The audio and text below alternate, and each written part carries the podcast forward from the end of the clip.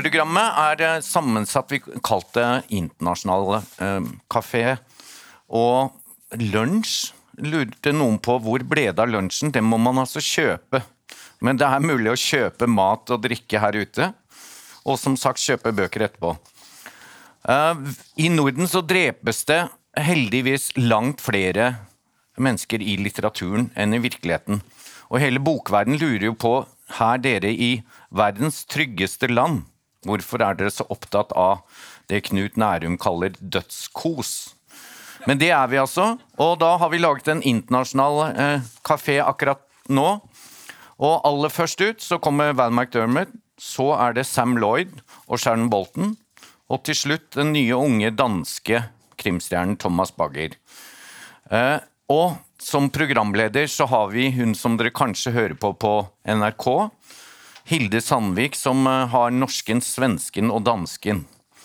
Hun vil også gjerne tas imot som en dronning, men den som er den fremste dronningen, er jo den skotske krimdronningen Val McDermott, så gi dem en kjempeapplaus.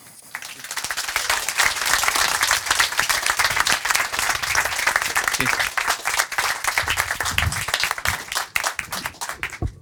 you so much for that queenish uh, introduction, I would say. Uh, it's so nice to be sitting here with you, Val. Well, it's a Uh, pleasure to be back here in Oslo. Yeah. Uh, When when was it the last time? Oh, more years than it should have been. I, I was supposed to be here in 2020, but there was an unfortunate pandemic Yes. which got in the way. We've, we've heard about it. Yeah. Uh, this year you are. I mean, you are. Probably I should just remove this little shawl. I think it's making noise, trying to talk to me. Uh, but you are you are here now with a, uh novel. I mean, you've written so much, and you're one of the the kind of most read authors, also from where you live. But it's uh, it's still kind. of... I feel it's something. It's my hair. Yeah, It's just just cut it off. Like you. Anyone? Does No, anyone have some scissors? We're going to talk about witches later here, so Uh-huh, I think uh, I think we can we can save it for that. but can we just? I mean, since we just have some few minutes, we have to talk about this. sure. It's 1979, uh, and uh, first, of course, I want to hear why you start with such a year. But that when you Google 1979, it's really what a year. Strikes uh, Margaret Thatcher into power. Uh, I think uh, Khomeini was back in Tehran. Lots of lots of things. But you write about devolution, for instance. But can you just tell a little bit so we know what we're talking about? Well, uh, the reason why I chose 1979 was it kind of chose me. Uh, when the pandemic started, I was in a quandary. I didn't know what I could write. Uh, I finished the previous book that I was working on, the Karen Pirie Still Life, in March 2020 when we were in lockdown, and every day brought fresh disaster. There was no promise of, of relief on the horizon. Mm. It just seemed to get worse and worse. And I don't think any of us had any idea where we were going or what was coming at us. And so I, I felt I couldn't write a book set in the here and now because mm. I didn't know what world that book would be emerging into. Oh, yeah. And so I thought maybe I need to write something where I did know what happened. Mm. Uh, and I had this idea of writing a series of novels with the same protagonist over a period of time. So I could draw on my own experiences of the writing life, uh, from right, right from the beginning as a journalist through to different things. I mean, I mean, she's not going to end up as a crime writer, I promise you that. But lots of different aspects of the way the media has changed over the last 40 odd years, I thought I could incorporate. So I was going to finish this quintet in 2019. And if I did it in 10 year chunks, that took me back to 79. And I got very excited because, Yeah. as you said, 1979 was a year when there was a lot going on. Yeah. Um, there was a lot going on in Scotland. There was a, a move towards a devolved parliament. We had a vote to see if we could have a devolved parliament. Um, And can you can you explain because I mean a devolved parliament? Uh, can you say what that is actually? Because I think it's not a known phrase. I think. Yeah, well, it's the kind of thing that colonies ask for um, to give themselves some sense of self-government, uh, and the, the the idea was that Scotland could have a parliament that would discuss certain affairs that would be devolved to the Scottish Assembly that, that they could make decisions on, like as we have now in the Parliament, uh, education, uh, health Yeah. would be the mat- would be matters for the Scottish Parliament. Uh, that was it, that was uh, kind of the first step towards independence, but it was also designed to be a way to shut us up Mm. and make us go away, uh, to give us a little bit of power so we'd feel like we'd got something. Uh, and what happened in 79 was that we voted for a devolved parliament, but the government moved the goalposts at the last minute and said this had to be voted for by 40% of the available electorate. Yeah.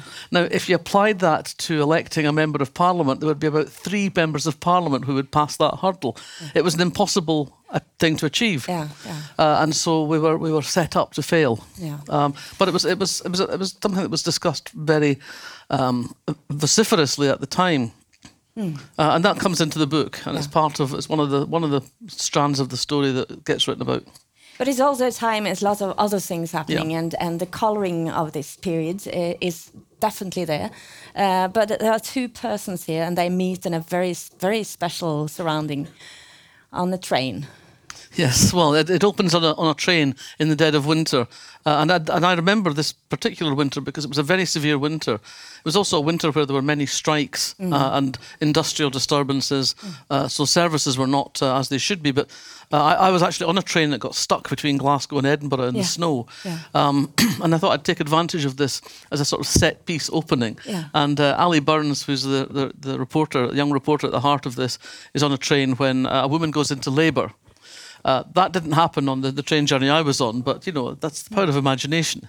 I mean, this is not autobiographical. Uh, uh, But I, uh, I think I can read some parts of. I mean, I don't know too much about your life, but still, I can feel that there is some certain aspects here that you can put into Allie. Sure, because you draw on your own experience Yeah. to, to give your cal- to flesh out your characters, but she's not me. I have to say, I had a lot more fun in 1979 than she gets to have. um, so she's starting off as, a- as, a- as a young journalist, but I mean, there, there are things about that that, that uh, certainly I, I use my own experience, but also the experiences of my friends and Yeah. colleagues. Um, I worked in an office where there were only three women reporters, Yeah. and we were never allowed to be on shift together because the, the, the management thought that three women on shift together would just gossip. Unlike, because that women talking together, as we know, is gossip. Hmm. Men talking together about football is serious conversation.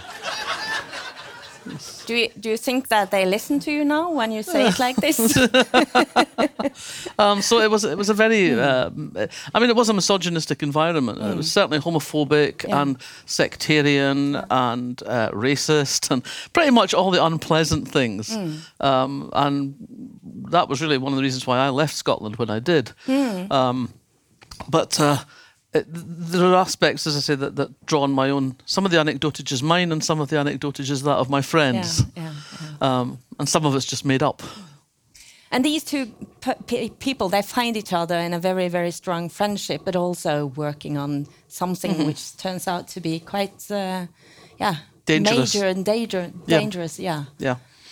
Yeah. Are we going to share some of it, or just tease a little bit of the? Um, it's it's hard to say very much about it without it being a spoiler, Mm. but they become uh, embroiled in uh, a, a, a plot, if you like, uh, towards uh, to to engage with the kind of uh, bid for nationalism that we saw so much of in Ireland in the 1960s and 70s and beyond.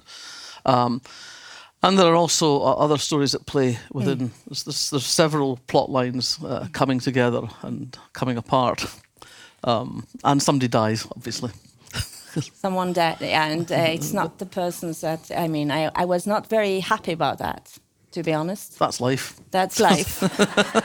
I mean, I, I, I, I, I know some people get upset when when um, characters are killed off, you know what I'm writing about is sudden violent death, and, and the emphasis is on the word sudden.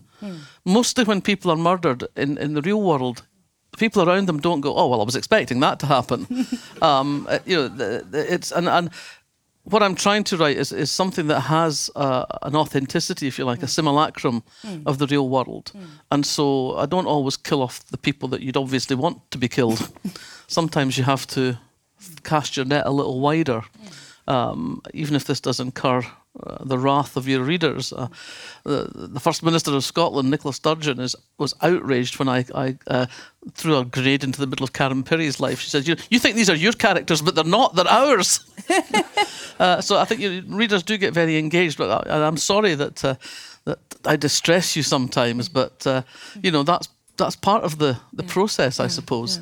I mean, I, I I spent a long time as a journalist, and I I, I saw a lot uh, of uh, di- very directly of people who had been whose lives had been immediately blown into smithereens by something beyond their control.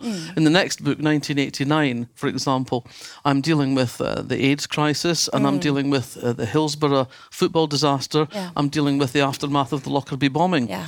So those are the kind of things that um, that journalists certainly I, I was working on as a journalist, uh, and you have to, I suppose, try to reflect Yeah. the appalling nature of these things within the books. You can be serious while at the same time um, having a light hand with your narrative. But I, I read that, especially that you've been working as a journalist, and and uh, here you get kind of. I I'm a female writer myself as a journalist, and I don't recognize how hard that was uh, back in yeah the end of the seventies. Uh, how little space you actually had. Yeah, but you're Uh, younger than me. Yeah, but then you know, yeah, but I'm, I'm. It's something has been moving very Yeah. fast in many ways. Yeah. Uh, but but this sensation that you had that w- when you were asked to go out and cover car crashes, uh, and to see the faces of someone who has recently lost Yes. someone, that that that's some one of the experience that you can use. Yes, I mean the, the death knock. It's called. You know, The death knock. the death knock when you go to somebody's house who's just lost somebody in their family uh, to to a sudden violent death, whether it's a car crash or um, a, a, a, other kind of thing. I, I remember uh, in the, the 1980s there was a, a terrible fire in Dublin in a disco on Valentine's night, and 49 young people died. And I went over the next day with my colleagues, and, and I spent the day knocking on the doors of people whose teenage children had died. Um, and my job was to get picture and, and a nice quote from the family about what a lovely child they were and how their great future ahead of them was lost. And, and that's the job, and it's horrible, and you have to do it. And uh, I was very good at it because somehow uh, I don't freak people out. I don't. I, don't- I don't know. I mean, I, I was. I think um, women did not find me threatening. They didn't think I was going to try and run off with their husband, and men treated me like their auntie or their sister. Um, and also, there's, there's there's one weapon in, in the female arsenal that the men don't have. And you knock a door, and they don't want to talk to you. They don't want to let you in. If you say, "Can I please use your toilet? I'm desperate." if you're a woman, I would say nine times out of ten you get in. Yeah. If you're a guy, they say, "Just get down there, go behind the hedge." Uh, so that's that is one of the few definite Yeah. advantages that that uh, I felt was was on my side when I was doing these kind of difficult stories. There is an, I, I, I will say, but I did not do some of the things. You know, a lot of the things that are, are, are laid at the door of tabloid journalists. I didn't engage. I never stole a photograph. Um, never. No, never. No. If the, if the, if it wasn't given freely, I didn't I didn't want to know. Um, and I never tapped the phone because we didn't, we didn't have phones in those days. But it's, I mean, uh, you started out as a journalist approximately in the same time as, as Yeah. this uh, the, uh, woman, and uh, uh, as, as Allie. Um, and there is an underlying also thread about uh, um, how uh, gays are threat, uh, tr- uh, treated and Yes. also about shame. Yeah. Uh, was it important for you to put that into that story from 79? Well, it was part of the, the landscape for me. I was a lesbian and I was trying to be an out lesbian at a time when it was very difficult to do that. And, it's, and that was the main reason why I left Scotland, was I, I recognised I could not have the kind of career I wanted uh, and, and be myself.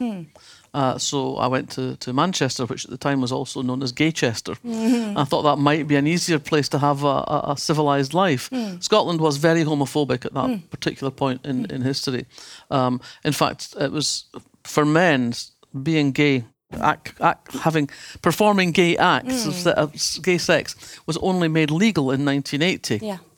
So uh, for for a young gay man in 1979 in Scotland, you were breaking the law every time you had a sexual relationship, uh, and so that that does lead to fear and, and shame, and it was something I was very aware of of people I knew, um, and it was not at all. Uh, attractive or civilized to be living in a country where that was the norm, where it was acceptable to to be racist, homophobic, sectarian, etc. And you have, I mean, you have used a protagonist uh, who has been lesbian uh, also before, and that was very early on. I mean, very early. Not many writers had it. And what did that mean You think that you could open that up that door? Well, it, it's um, it was. Uh, for me, it was the only place to start. Really, I mean, Lindsay Gordon, my first uh, series character, was was gay, um, and uh, you know, it's that thing of writing what you understand, writing what you know, mm. but also writing about that within the landscape. I never wanted to write books that were special pleading. Mm. I didn't want to write sort of books full of you know, sort of um, banging the drum as to why it was so awful to be horrible to gay people. I just wanted to write about a normal person mm. in the world who mm. happened to be gay, mm. and that's how I've always written about gay and lesbian characters in my books. It's mm. just part of the landscape of, of relationships, communities, workplaces, mm. uh, as it should be, as I think it should be, uh, and as it is largely now. Mm. I mean, it's not a big deal mm. mostly anymore, mm. um, though we should not take lightly the, the the steps forward we've made because they can all be reversed as we're seeing in in America and you know we may even be seeing in Scotland. Uh, who knows? But um, it seemed to me to be. Uh, it was also. Uh, I didn't really think about this at the time, but when I was growing up, there was no template for mm. the kind of life I wanted to lead. Mm. There wasn't, you know, there were no lesbians in public life. There were no lesbian sports stars that we knew about or or musicians or writers or, or books about it. There was it was there was a blank landscape, um, and you know when I was growing up in Fife, it was like to find a unicorn as an out lesbian, mm. uh, and and so I I had to we had to make up our own lives yeah. as we went along. Yeah. And one of the things that has proved to be really important in, in, those books, and probably why they've remained in print ever since they were first published in the 1980s, uh, is that that the number of young women and, and, still women come up to me and say this was the first lesbian mm. I saw on the printed page. Mm. It was the first time I was was presented with an image of gay women mm. Being, as it were, normal. Yeah. You know, having uh, not having lives that were full of persecution or or you know part of some commune somewhere that people were just living their daily lives, going about their daily business. And to me, that's that's as I say, I didn't I didn't think about that at the time, but I think it's proved to be something I feel has become quite important over yeah. the years. Yeah, that that was the reason I asked, since mm. it is really a topic in, in your book, and and uh, and the exciting stories that these two these two people try to evolve and, and find out together. Uh, but I mean, when you got into writing, that was also not very easy. Uh, well, uh, it, you, you you used your time and uh, you you quit your daily job as a journalist and went on. And how did it go? Well, I started off. I mean, I was I was still writing. I started writing novels when I was still working. Um, and my aim was to try and make a living writing fiction. Mm. Uh, and the first three books I wrote were were published by a small feminist publishing house. And I certainly wasn't going to be able to give up the day job and and uh, live on on those proceeds. Mm. Um, and but and I, and I, was kind of in the mink-lined cage. You know, I was I had a, very, a senior job in newspapers. I had a big salary. I had a company car. I had an expense account. I had a newspaper allowance. Mm. Um, and so it was it was it was a lot to contemplate not having that anymore. Um, but then I wrote the first Kate Brannigan novel, and uh, that found a mainstream publisher. Mm. I remember uh, the day we did the deal, I'd, I'd been down to London to, to meet the editor I was going to work with, and they'd offered me a two book deal. Yeah. And I figured out that if I wasn't working full time, I could write two books a year.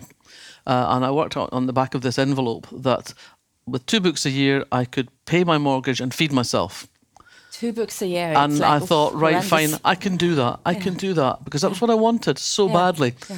Um, and uh, yeah, I quit my job. And the first two, three years, I was very poor. Mm. Um, I'd, I had to give up. I gave up buying books. I started making homemade wine.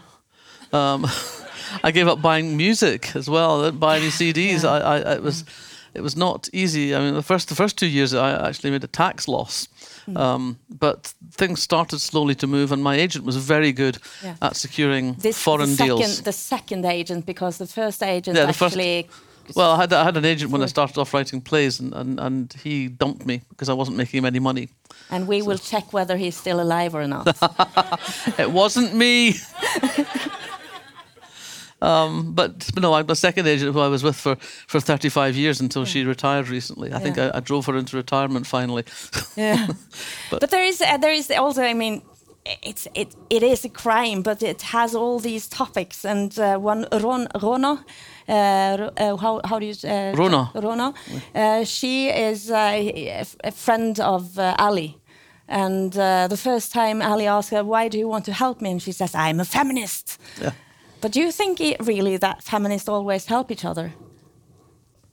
Not all of them, but most of them. I mean, that, yeah, I think um, when I look back at people who have um, been supportive of me in my, my, career, both in journalism and and, um, and and in my early days as a writer, I would I think they would describe themselves as feminists. Hmm. Um, I think that's part of the, the, for me that's part of the ethic of being a feminist. I know it's, that it's, you, you, yeah. don't get, you don't get to the top of the ladder then kick it away for other people, mm. or stamp on their fingers as they try to get up. You know that's that was Margaret Thatcher's general mode of yeah. operation. I didn't never considered her to be a feminist. I am not sure. Eh, should we ask her? We can ask via kind of artificial intelligence or some, something, and she can ask and answer. Uh, back to the book. Um, what do you think is the? I mean, the impression of Scotland at that time uh, changed afterwards, of course. But uh, what was Scotland, and how how can we get into the mode of of that story? You think?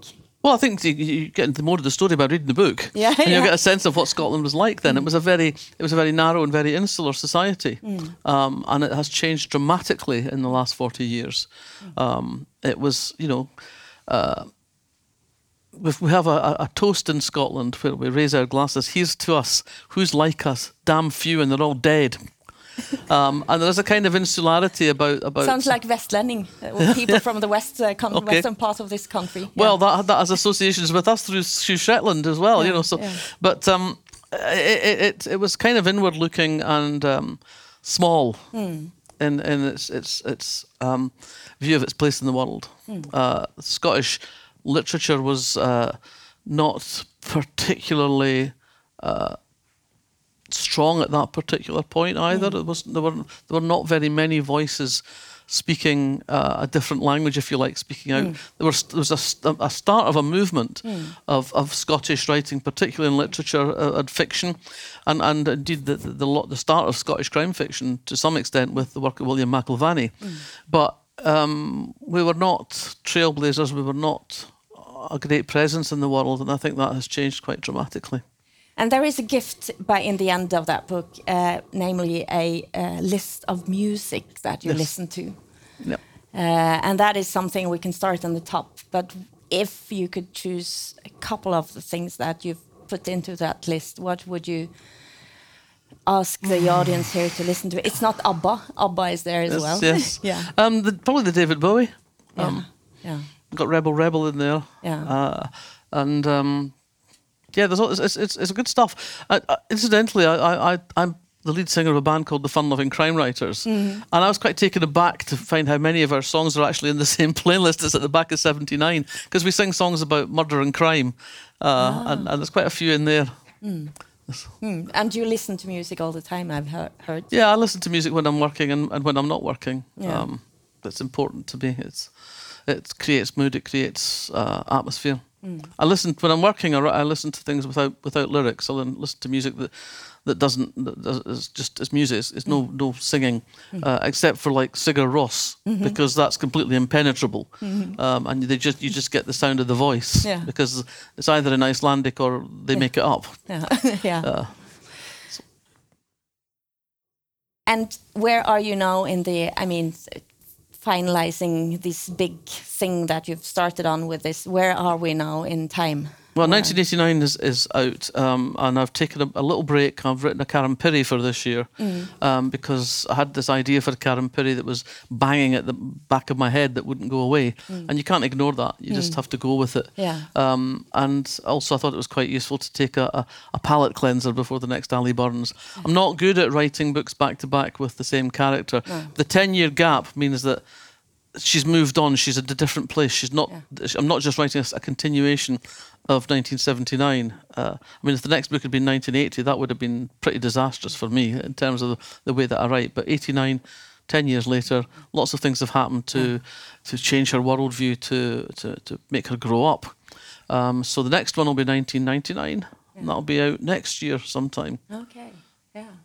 I was actually, uh, we have to finish up here now, but I, I have to admit that when I first got into what happened in 1979, it also gave me a little bit of hope. Yeah. The inflation was incredibly yeah. high, uh, the interest rate was horrible. uh, and uh, all the other things happening, which was like Idi Amin was there. I mean, we have had bad and worse time before as well. So in a way, that also gave me hope. Yeah, it's, it's, it's something that I think we need right now in the UK because we have got a complete shit show at Westminster. Mm. I mean, it's, it's an omni shambles. Nobody is doing what they should be doing. No. It's, it's completely, uh, completely terrible. Yeah. People are, are not able to heat their homes. People are not able to feed the children. Yeah. It's a terrible, terrible time. It's actually probably worse than it was in 1979 yeah. mm. um, in many respects, in terms of industrial unrest, in terms of what's happening to the health service, mm. in terms of what's happening to people's lives. So, you know, I'm, I'm, I'm clinging to the wreckage, if you like, hoping that uh, we'll get we'll get the same kind of reversal that we got in the 1980s and 90s. Oh, okay. Oh, thank you so much, Val. Thank you. Thank you. Thank you. Thank you. Thank you.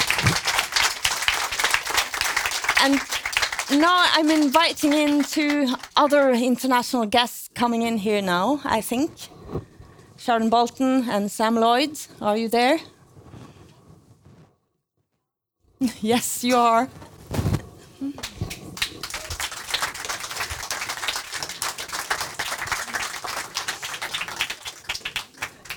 Ah, thank you so much uh, for being here with us tonight. Uh, Pleasure. today, it's, to be it's still a ta- it's still a daytime. Uh, yeah.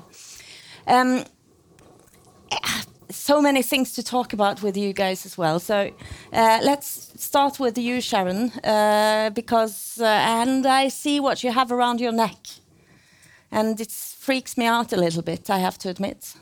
It's a tiny silver witch. Yeah, it is.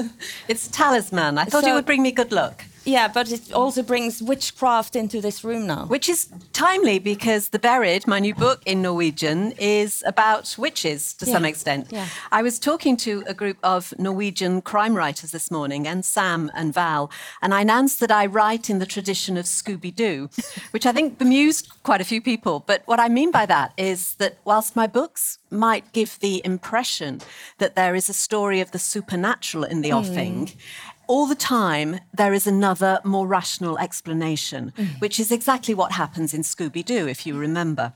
And um, The Buried has a number of characters Yeah. who are witches, Yes. who believe that they can influence events by means of magic. Yes. But I write it in such a way that the more skeptical reader will always see there is another explanation here. Something else could be going on. This is not magic. Um, and that's quite important for me because in the crime genre, you should not really stray into the supernatural. But there is, I mean, it- just give us a little feeling of the, what the story is about. Okay. Yeah. So it starts in 1999. Yeah.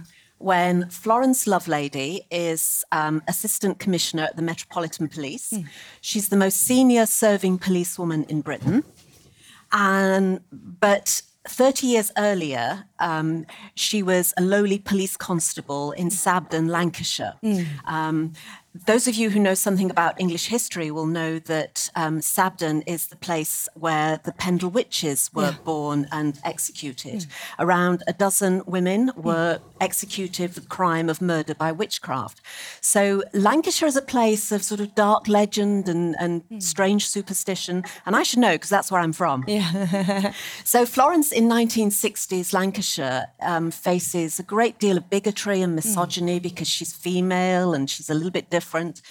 Um, and she comes across a children's home hmm. where all is not as it should be. Hmm. Um, these children are being exploited in some rather strange way. Hmm. She manages almost single handedly to get the home closed down and thinks the case is over. Yeah. But 30 years on, the graves of four children are found in the grounds of this old orphanage.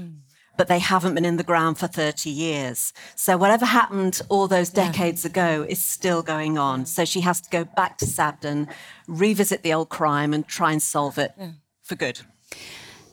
But I also know that while while you were working on this, you you you you were diving into paganism or witchcraft, and uh, slightly you started thinking, hmm, Yeah, we kept my husband's in the audience. We don't want to talk too much about witchcraft. he gets a bit scared. Um, but it was something I became very interested in when I was writing the book. The whole idea of the witch And what makes a witch? Do women decide for themselves that they're going to become witches? Or is it something that society thrusts upon them? And I'm inclined to think it's a bit of both.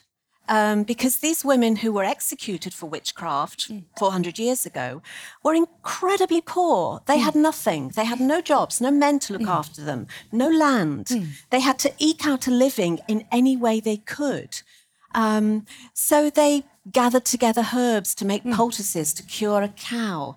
Um, and in some ways, they were almost the architects of their own downfall mm. because they let people believe they had some power, mm. that they could mutter a spell and the cow mm. would be fine, or don't get on the wrong side of them because they had a way of dealing with their enemies. Um, so they were possibly low level confidence Yeah. tricksters, Yeah. but the society around them turned against them, turned them into witches. Um, even members of their own family, and it just—it's something that intrigues me. Mm. The way society can turn upon people who are a little bit different, mm. who show a little bit of weakness. Mm. We see it these days in social media pylons. Um, we've been doing it for centuries, and it's something not very nice in the human condition, but it's something I felt I had to explore the buried. I, I- I turn to you now, Sam, because I mean you don't have any witches as, as such in your novel. No. Uh, however, you have a strong believing uh, police officer. Yes, I do. In the uh, in the Rising Tide, um, which is a book that's set uh, at sea. Um, uh, I I grew up by the sea, and for a long time I'd wanted to t- uh, tell stories about the sea. Um, and and when I start writing, um, I might not always know where the, the plot is going to go, but I do need a real strong sense of, of, of place, of setting and I need a really strong sense of character as well. And once I've got those two things, then I, I feel I can can go. Uh, and this book is set in a um, a Devon fishing town. Uh, where the town at the start of the book is um, battening down the hatches for a once in a generation storm that's about to hit.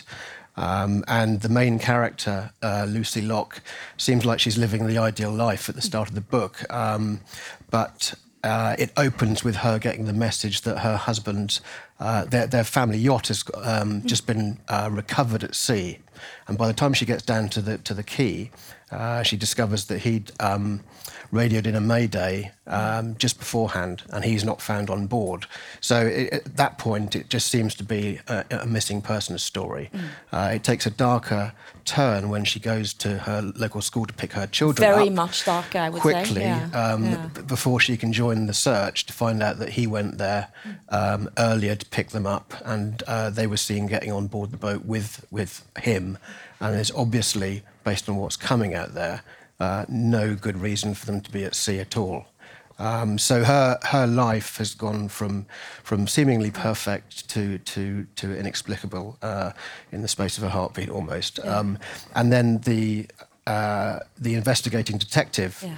uh, is um, was a character that I'd had in my head for a long time. Um, the um, the inspector uh, Abraham Rose, and he's um, he's just been given a um, he just he's he's holding secret the fact that he's dying of something incurable, um, and he has been uh, a lifelong devout Christian, and this news has thrown him into a into a tailspin, and his faith.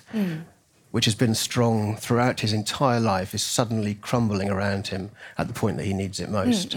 Um, and I was really interested in telling that part of his story um, because actually, what happens to um, to Lucy in the book is that she's been a lifelong atheist, and she's it, the the inexplicable events happening to her means that she's actually reaching out for things that she hadn't reached out for before. So their their their stories uh, are working. That's a great story.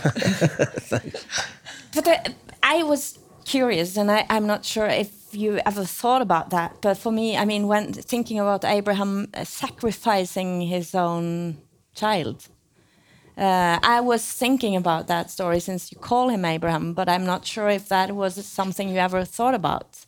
Uh, I think um, it was a yeah. th- th- There's a Bible story when Abraham is uh, um, he he decide he, he's asked to show his faith to God by by sacrificing his Yes. uh, his child, and uh, he actually is about to do, it when an angel stays his hand. It, um, that I think that does appear in the book as, a, as something he's thinking about. But uh, yeah, I um, that question of faith and what happens um, to our faith if you have a faith in your darkest moments was something that started to interest me as I wrote the book. Do you have a faith? Um, I think I think I did once. I mean, I, I, I grew up um, going going to church, um, and uh, unfortunately, I think at- the older I've got, the um, the, the less my faith has uh, uh, has kind of stayed with me. Really, I think I um, I wouldn't really know how to describe my myself now. Um, but uh, I suppose ever hopeful. Uh, that this isn't the end when we when we die, but I, I don't you know I wouldn't be able to say I'm a I'm a you know I'm a strong believer or anything these days. But belief is such a fascinating part of the human condition, isn't it? Whether it's belief in, um, uh, in, in, a, in a form of religion, in a deity, or belief in the power of positive thinking, or belief in the power of the, the universe, which drives much of sort of witchcraft and paganism. Um, and it's, in, it's an incredible driver of character, which is very useful when you're crafting a story. You must have found Yeah, that. yeah. I mean, we're all reaching out for Yes. for something, aren't we? We're all Yes. reaching out for, for answers that. Uh, And, um, and when people are facing the darkest times, when they've experienced crime, they're reaching out for answers um, and for, for help beyond what's immediately around yeah, them. yeah. Yeah, and that uh, that's uh, that's one thing. I think that uh, they're very different books. I have to admit, uh, but there is some sense of describing faith uh, in a way which feels, and that's the reason why I asked you if you're a believer in some, because it, you can almost see sense in the sentences that that there is a kind of belief and that is also adding to you. I mean, the, the witches, the way they are described, uh, it's um, uh, uh, there is something from within there. Mm, maybe we're just good at what we do. Yeah. Maybe we can be more convincing. Yeah. Um, I think I don't think we have to believe the same way that our characters do, but we have to understand why they believe the way they do. We have to immerse ourselves in whatever it is that's driving them to, to, to make them credible. Yeah, and I think um, you know, go back a hundred years, everybody had a strong faith, and everybody had a very strong moral compass, um, and uh, and that's kind of been lost in a way. Um, so faith has, um, as as faith has declined, nothing has really filled the gap. So I think sometimes, you know, I mean, I certainly do. I, I look around for answers all the time. Um, You told me yesterday the story about a great grandfather, and I was thinking that's quite a religious story in many ways. And that's also one of the reasons why you're so preoccupied by sea. Well, yeah, I mean, because um, uh, one thing, yeah, you know, at, at sea, your luck can change instantly. And apologies to anyone who told the story before, but uh, uh, my family, of, you know, generations have uh, grew up by the sea, and my great granddad. Um, spent all his life working for the White Star Lines in Southampton, um, where he was a waiter. And um, back in 1912, found out there was just going to be this new ship called the Titanic that everybody, him and his mates, wanted to be the first person to, to get, get a job on. And so he badgered his, um, uh, his foreman uh, uh, relentlessly until he actually won the, the, a position on it. And, uh, and he uh, took my great grandmother down to the dock that day and uh, they, they kissed and um, she waved him off and he, he, he took his stuff and he went up the gangplank of the Titanic and, and found his foreman. Um, and, uh, and his foreman said, I'm really sorry, but another ship is understaffed, and I know I promised you this job, but I really need you to go on the other ship.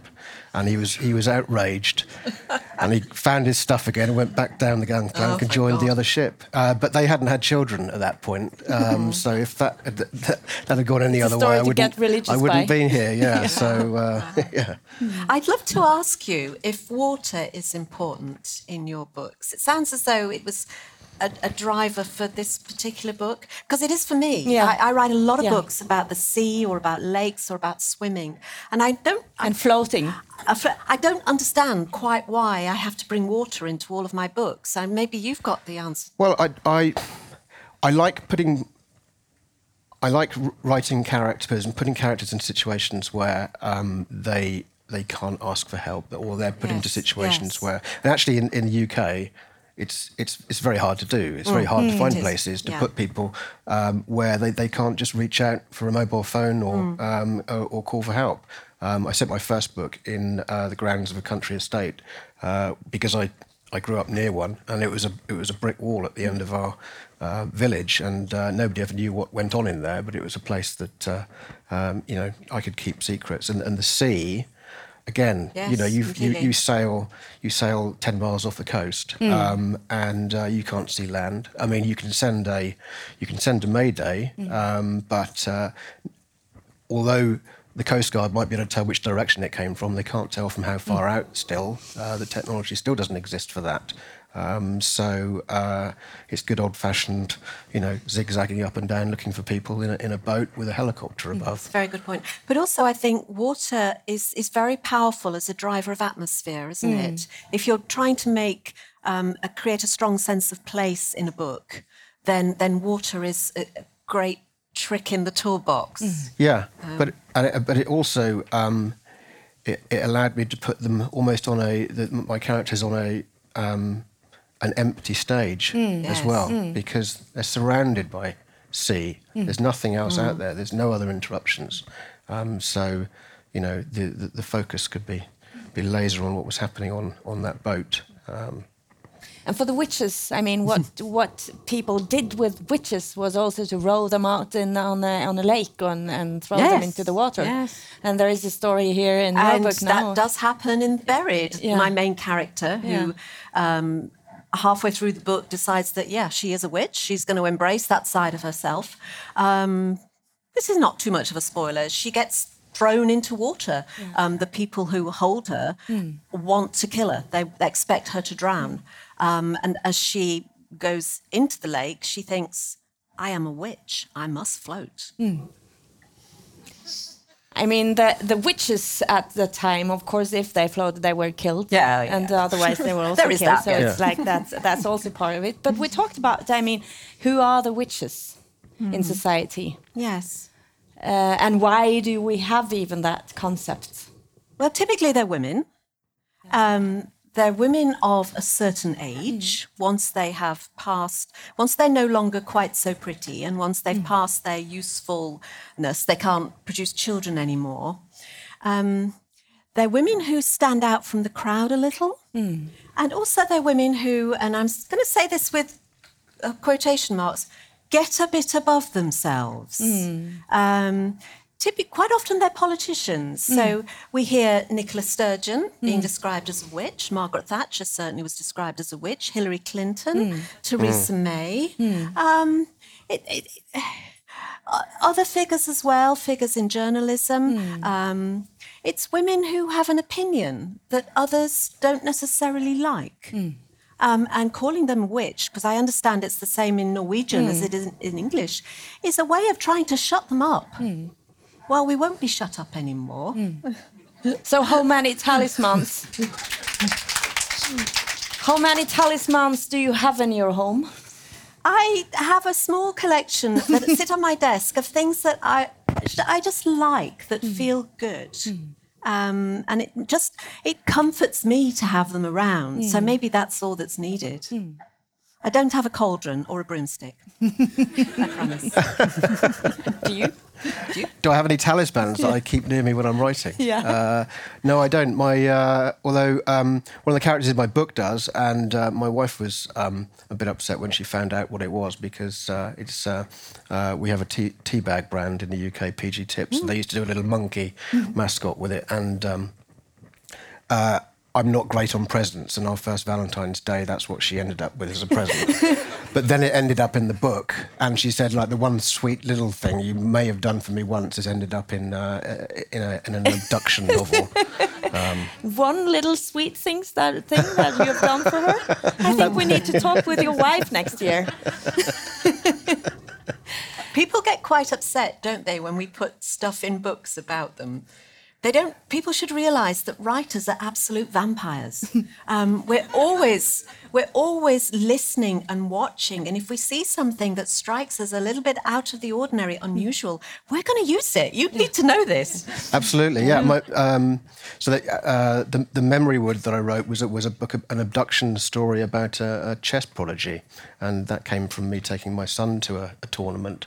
And uh, when my ro- wife read the book, she said that was meant to be a sweet bonding exercise uh, that day between the two of you, and you've come home and written this, you know, You need uh, to stop showing book. her your books. But you bring your husband, so I'm not sure if that's Yeah, a maybe good that's a wi- wise mistake. idea. I'm giving too much away. Uh, both of you are uh, incredibly uh, kind of uh, dragging us into these uh, stories that we didn't s- s- have ever thought about. Uh, and your story, I was actually also thinking a little bit about Hitchcock. Uh, because I remember the first time I was a small girl. Uh, I should never have wa- watched television, and it was The Final Escape uh, where this uh, prisoner tried to escape from a uh, from the prison in a coffin, buried alive. And there are some Yeah, certain elements. Uh, there are some certain elements of, Yes. of yeah, Yes. which is my it's it's my nightmare. Well, of course it is, and I'll tell you this: we- we're talking about the prequel to The Buried Now, a book called The Craftsman, in which the victims are buried alive. Um, but the reason for that is that when uh, my publishers, when they were trying to persuade me to move to them, they conducted some market research to find out what people are most afraid of. Yes. and the number one They could have called me. is being buried alive. Yeah. It's nonsense. What are the chances of being buried alive? It's not going to happen. But it's what we're most afraid of. So I thought, well, yeah, that's what I'm going to write about. Yeah. Have you did, did did you ever do a research like that? Um, well, uh, the research, uh, uh, the main research I had to do for this book is um, is understanding what happens when people go missing at sea, Yeah. specifically. Yeah. Um, and you know, how, how long can people survive in waters? You know, what what you know, drift rates, um, all sorts of things. And actually, the it was it was complicated a little bit about the fact that um, COVID was happening at the time, so I couldn't Yeah. actually get in front of anyone to speak to them. But luckily, uh, what I've always found is is how when I'm doing research, how how generous people are when you want to talk to experts. They they tend to want to give up their time a, a lot. Um, and I, I spoke to Coast Guard. Um, I spoke to to many. Um, coxswains of lifeboats and uh, people were taking photographs around their boats and, and all the equipment. So, um, yeah. But uh, I mean, one nightmare is to be buried alive. The other nightmare is that your kids have Yes. gone missing.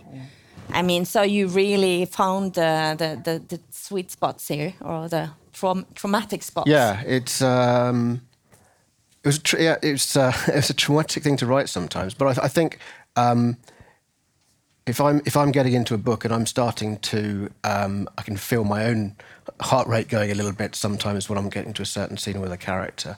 Um, I know I know I'm in a good place. Um, and you know, I think both my last two books, by the time I by the time I got to the end, I was wrung out emotionally um, by, by the events that were happening in them. I, you, you get very close to a character, and not all characters make it. Um, and um, that can sometimes be a difficult thing. Actually, I, I don't know if you have found that. Um, you know, when you get to end end of a book, I'm, I'm spending so much time in that world um, that uh, real life is um, gets gets kind of confusing almost. Yeah. I wrote a book called The Pact, which I think is out in Norway um, in a few months' time, um, which was the hardest book I've ever had to write. Not because it was structurally difficult, it's actually quite a simple book, but because it's about um, six young people at a privileged um, school in England, in, in Oxford, which is where we live who something goes horribly wrong with them that one night. That a, a daredevil game goes very badly wrong and people are killed, and their lives are just turned on their heads hmm. in an instant. Hmm. Um, and there's no way back from hmm. that, really. There isn't. And it was incredibly hard for me because my son was of that age and at the school that I used as the model for the school in my book. So these people, these six characters, were incredibly real for me. Um, and I wanted so much to make things right for them. but because of the demands of the story, I couldn't. And it was a difficult experience. Say, Sorry. Yeah. Thank you both so much. Thank you. Nice to have you here. Yeah. Thank you. Thank you.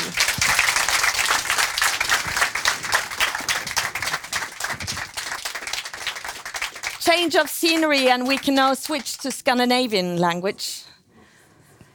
Velkommen opp på scenen, eh, Thomas Berger. Beyer. Jeg sidder her. Her. Her har vi deg. Har I lyst til at fortsætte med at snakke engelsk, eller kan I, kan I holde Nej. det danske ud? Eller? Det er min, det er min, eh, det er min kjepphest. At når det er svensker og dansker, så snakker vi skandinavisk. Det er modtaget, det er modtaget. Det- Men måske skal vi lige tone lidt ned. Der var lidt aggressivt i går, synes jeg, da vi snakkede sammen sidst. Øh, Jeg var kolonist, og Danmark er en rådden banan. Og, Jeg er ferdig med den nå. og jeg har googlet, om Danmark er en rådden banan. Jeg kunne ikke finde noget. Den, jeg skal finne til deg. Det vil jeg meget gerne. Er er det norsk internet? Du er en veldig dårlig researcher. I Det får jeg tit at vide. Det får jeg tit at vide. Oh, jeg tror, gik. Nej, det var der. Ja. Eh, gratulerer med, med anmeldelse i VG i dag. Tusen tak. Eh, hva står der i den anmeldelsen? For det fikk jeg vite nå akkurat, og, og har ikke fått sjekka. Hva var det de skrev? Husker du det? Uh, for det første er det mega fedt, at I har sådan terninger i Norge, uh, så jeg føler sådan lidt den bekastet. Den anden heldigvis på fem, så det var dejligt. Uh, der stod Danish Dynamite, uh, klassiker. Og, uh, så, og jeg har faktisk ikke fået den læst. Jeg har lige kigget sådan nogle, så, så jeg kan faktisk ikke sige så meget andet, end at de, de var ret glade for, De var ret for glade. bogen. Ja. Så det, det lover jo godt. Eh, bare litt kort om hva dette er slags historie. Så folk får et lite bilde av Et lille, et lille ja, øh, jamen det, vi skal følge to efterforskere, David og Lukas, som på hver sin måde er meget sådan forskelligartede. David er sådan en meget sensitiv mand, som forsøger at gøre sig hård, og han døjer sådan lidt med Florence Nightingale-syndrom, øh, som jo betyder, at han meget gerne vil redde hele verden. Men nogle gange så er der nogle situationer, hvor det faktisk ikke er gunstigt at blande sig i. Og så har vi så Lukas Dage, som har slangeskins sko og sådan meget farvestrålende tøj, men det er fordi, han sådan indadtil er sådan meget følelseskold, fordi han som, øh, som barn blev udsat for noget ganske frygteligt. Ja. Øh, hans mor, øh, øh, som var misbruger, hun, øh, hun smed ham i nogle øh, affaldsposer, og så kom hun en lille smule sådan LSD i hans øh, mælk, øh, for ligesom at sikre sig, at, at han døde. Men, men, men når babyer de får LSD, så har jeg researchet, øh, så, så bryder det sådan hjernebarrieren ned, så hans limbiske system, som sådan er vores øh, følelsessystem, det som, som står for kognitiv, sådan for frygt og sorg og glæde, det brændte sig sammen, så han har faktisk ikke rigtig noget sådan følelsesliv. Ja. Så han kompenserer sådan ved at være sådan meget farvestrålende, fordi han egentlig kun kan leve ud fra logik og empiri. Ja. Så David og Lukas, de er sådan ret, øh, de er sådan ret aparte makkerpar, som sådan komplementerer hinanden ja. ret godt. Og dette er jo veldig fascinerende, synes jeg, for du er mega opptatt av eh, hjerne og Mm. av hva som skjer. Og vi har snakket nå om skremmende ting, miste barn eller bli gravlagt eh, levende. Ja. Men den tredje tingen er jo at man ikke har noen følelser. Absolut. Det er jo Og- livsfarlig. Det er på en måde, ja, og, og der kan også være, man kan sige, det er jo fedt ikke at, at, at være bange for noget, og, og kunne sådan, undskyld, øhm, været igennem livet uden at være upåvirket. Der er mange situationer, tror jeg, alle har oplevet, hvor de virkelig godt kunne tænke sig, at de ikke lige kunne føle noget i det øjeblik. Ja. Øh, men det står jo på et præmis af, at han ikke kan føle noget. Mm. Så han føler sig jo lidt som, som et slags offer, så han bliver sådan meget behovsstyret. Og så for ikke at føle sig som et offer, gør han så andre til offer, primært sådan seksuelt og manipuleringsmæssigt. Eh, hvorfor er du så opptatt av denne type skikkelser? Øh, Har du mødt mange? Jeg er blevet kaldt det mange gange, men øh, nej, du det? ja, ekskærester, men øh, nej, I, i, fler, i nej, flertal? det er for sjov. Jo, det er lidt, det er lidt for sjov. Det er lidt for sjov. det er en psykopat. Nej, øh, Nej. jeg tabte tråden nu. Hvad var det, du spurgte om? Hvorfor du er så opptatt av, ja. av denne type skikkelser? Jamen, jeg synes jo bare, at det er interessant det her med, med mennesker, hvis hjerner fungerer anderledes end ens egen, mm. og hvor at, at at de ligesom kan... Øh, øh, jeg ved ikke, om jeg skal sige det her, men det, nu siger jeg det alligevel. Jeg var faktisk i gang i forhold med en kvinde, som var diagnostiseret, altså diagnostiseret med narcissistisk ja. Ja. personlighedsforstyrrelse. Ja.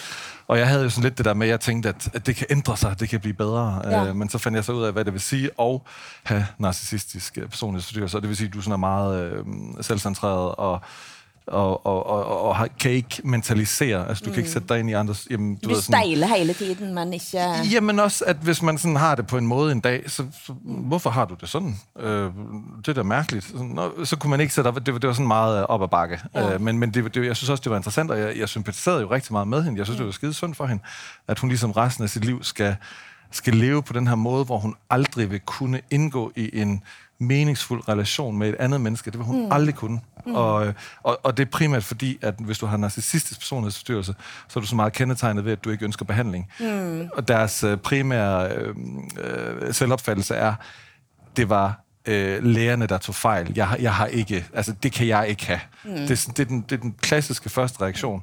Øhm, Og så blir en manipulerende. Ja, ja, altså det er måske også lidt hårdt at sige manipulerende, fordi det er faktisk, fordi de ved jo faktisk ikke bedre. Altså det, var, det, var, det, det kan umiddelbart godt virke manipulerende, men mm. når man så gravede lidt i det, så fandt jeg ud af, at jamen, der, der er jo, det er jo egentlig bare, fordi der ikke foregår noget her eller her. Og, Ja. og, og så, ja, så, så vil jeg så sige, så gælder det om at løbe den anden vej, når man møder narcissister, mm. og, og især også, altså der er jo rigtig mange mandlige narcissister, mm. øhm, sådan kliniske narcissister. Øhm, og, øh, og, og ja, det gælder om at løbe den anden vej. Det, det, det, det, det er i hvert fald mit råd. Men her møtes altså på en måte det følelses kalde, og det følelses styrte. Mm. Veldig i, i en clash eh, på mange vis. Ja. Eh, og, og man får jo lyst til å si til den ene skikkelsen her at nå må du, nå må du skjerpe deg. Du er jo alt for naiv.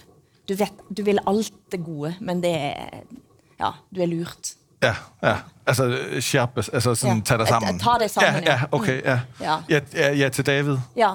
Ja, David, altså, men også hun, eh, altså Jenny. Jenny. Ja, ja, men helt klart. Altså, men, men det er jo igen det her med, at hvis du, øh, hvis du, står, hvis du står for et... Altså, når mennesker, der vil nogen det godt, så tror de typisk også, at andre er som mig, så de vil også mig det godt. Altså, vi forstår jo lidt verden ud fra vores egen... Vi har jo alle her i rummet, har, vi har jo alle sammen vores, hver vores virkelighed.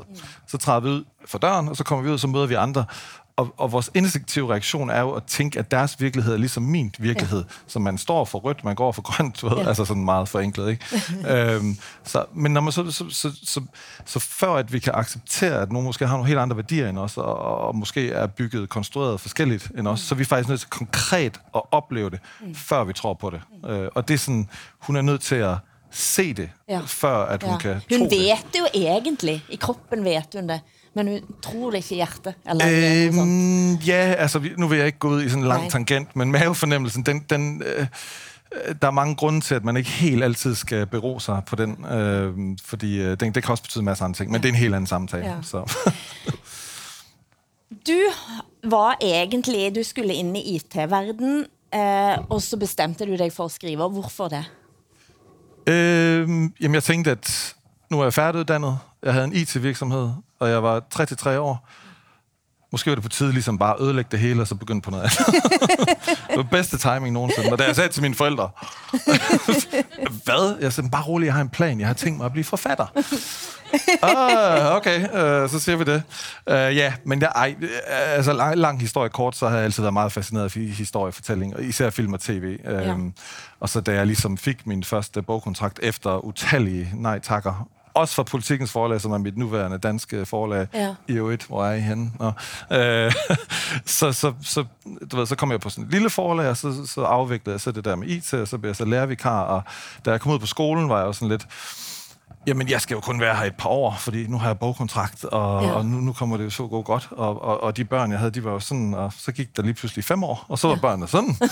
og så var de sådan, hey Bakker, skal du ikke snart sælge nogle bøger, eller hvad? Og jeg sådan, jeg prøver virkelig, jeg kæmper virkelig hårdt, altså, og, og jeg, nu, jeg ved ikke lige helt, om jeg kan huske, nu, nu fortæller jeg historien, hvis jeg glemmer point, så er det virkelig pinligt med skide med det. Øhm, for, lige for, sådan for det der med at være sådan kunstner med robrødsarbejde, Øh, det, det, det er som om folk tager ikke en seriøst, før ja. at, at man ligesom når et vist niveau øh, af, af sådan anerkendelse. Øh, hvor, hvor jeg også, jeg, jeg kan huske, at jeg kom ind i sådan en klasse, på dansk hedder det en, øh, en 0. klasse. Jeg ved, jeg ved 0. ikke, hvad I, klasse. Ja, 0. 0. klasse. Ja, ja. ja præcis.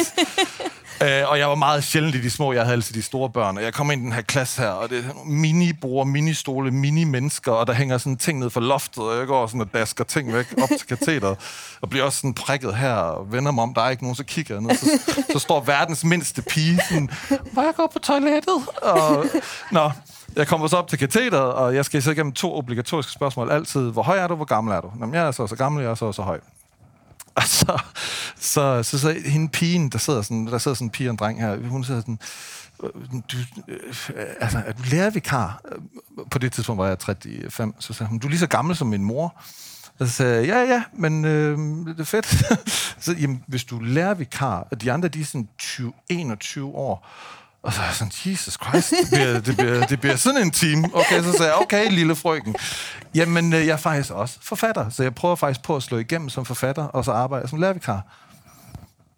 Jamen, altså, hvis du er lærervikar, hvorfor... Men er du forfatter, eller er du lærervikar? og, og nu er klassen sådan, ja, nu er klassen sådan ved at falde lidt til ro, ikke? Og, og begyndt at lytte med, og sådan, hvad der foregår op, så siger jeg, nej, men det er fordi, jeg sælger ikke nogen bøger, fordi jeg er det, man kalder for et misforstået geni. og så, og nu er der helt stille i klassen. Nå. Så åbner jeg så computeren og begynder sådan at se på planen, og så kan jeg høre ham der, den lille dreng ved siden af hende, der sådan, hvad betyder det der misforståede geni? Og så visker hun, jeg tror, det betyder, at han er en dårlig forfatter. og så sådan der, super. Slå op på side 7. ja. Så det var sådan lidt det der, det var en lidt rough start på... Har du taget, uh, har du taget blodig hævn på denne jenten nu? Uh, hvad betyder blodig? En, en hævn. Uh, uh, Hev, um, revenge. Uh, nej, nej, det... det uh. Det var kun de der store, det var kun de store teenage, de, de store teenage drenge, de fik nogle gange sådan lidt, uh, når de, de har prøvede, fået lidt, ja, når de lige prøvede af og sådan noget, ikke? Altså, ja. nej, det var skønt, men altså, det var, også, det, det var lidt, uh, altså, jeg hørte uh, også tidligere, den forfatter, der blev interviewet, tid, den skottiske, uh, at det der med, at man, der, der er ligesom en hård start, hvor man bare må acceptere, jamen, så er det robotsarbejde, og, ja. og så må man ligesom prøve at komme igennem det, og se, om man slår igennem eller ej. Så.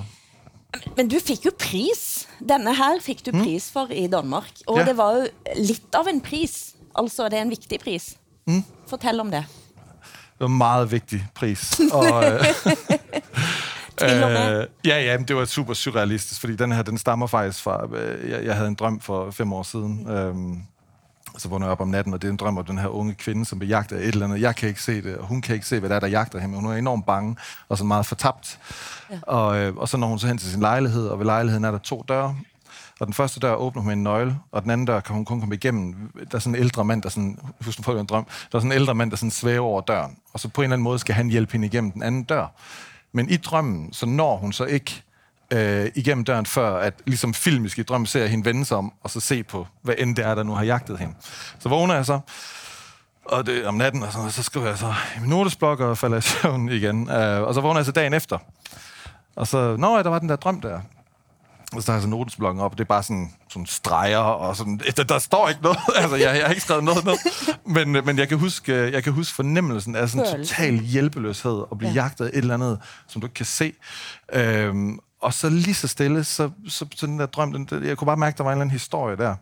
Og da jeg så vandt den der pris der øh, sidste år, så kommer jeg op på scenen, og så skal konferencieren så fortælle, hvorfor jeg vandt øh, prisen. Og så juryen havde blandt andet, eller havde særligt fremhævet lige præcis den sekvens med, med hende her kvinden her. Ja. Øh, og jeg stod jo der og havde sådan et totalt øh, syret øjeblik for mig selv, fordi ingen vidste, det havde prisen. Øh, ja, lige ja. præcis, ja. Hvor at, at noget, man sådan drømt øh, sådan fem år tidligere, pludselig har materialiseret sig til en bog, og, og nu har den bog ligesom ført mig herop, og øh, altså, det er sådan ret syret. Ja. Og, øh, og ja, jeg har så droppet en notesblok nu, hvis, efter det der, øh, så nu bruger jeg diktafon.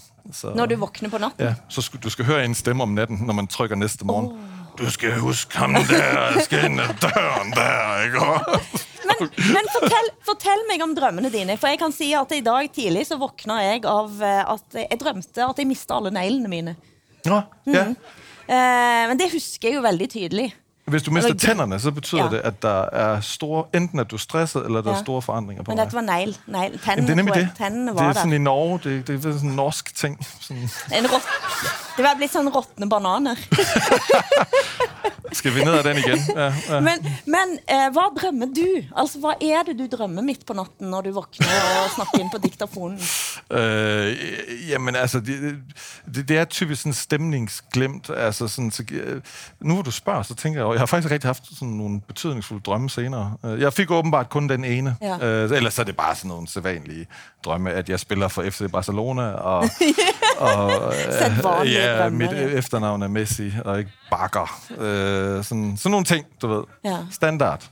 Så du er egentlig fotballspiller du ville bli når det kommer til stykket? Øh, jeg vil gerne se mig selv som en fodboldspiller, men Ja. øh, jeg er ikke nogen Erling Braut uh, Haaland, det vil jeg sige. Det vet man jo aldri. Nej, Men det, altså, du er i gang med flere ting nå. mm, ja. Ja, Og hva er det?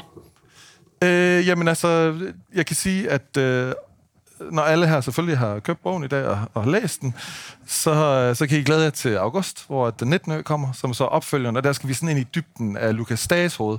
Ja. Den her, det, det, der, der, der, er rimelig, der er sådan et bredt karaktergalleri i øh, Mand i tre dele, og så Ja. nu i den 19. ø, så, går vi, så skal vi ind i hovedet på Lukas Dage, og så skal vi opleve, hvordan det er at være inde i hovedet på en person, som faktisk ikke har et følelsesliv. Øh, fordi han op til Færøerne, ja. hvor han skal opklare en sag, en ja. frygtelig sag. Øhm, så, så, så det glæder mig vildt meget til, at, at den skal udkomme øh, til august. Men jeg år. vi er vi nødt til å Nå skal vi slutte. Det sto 13 10, det sto 14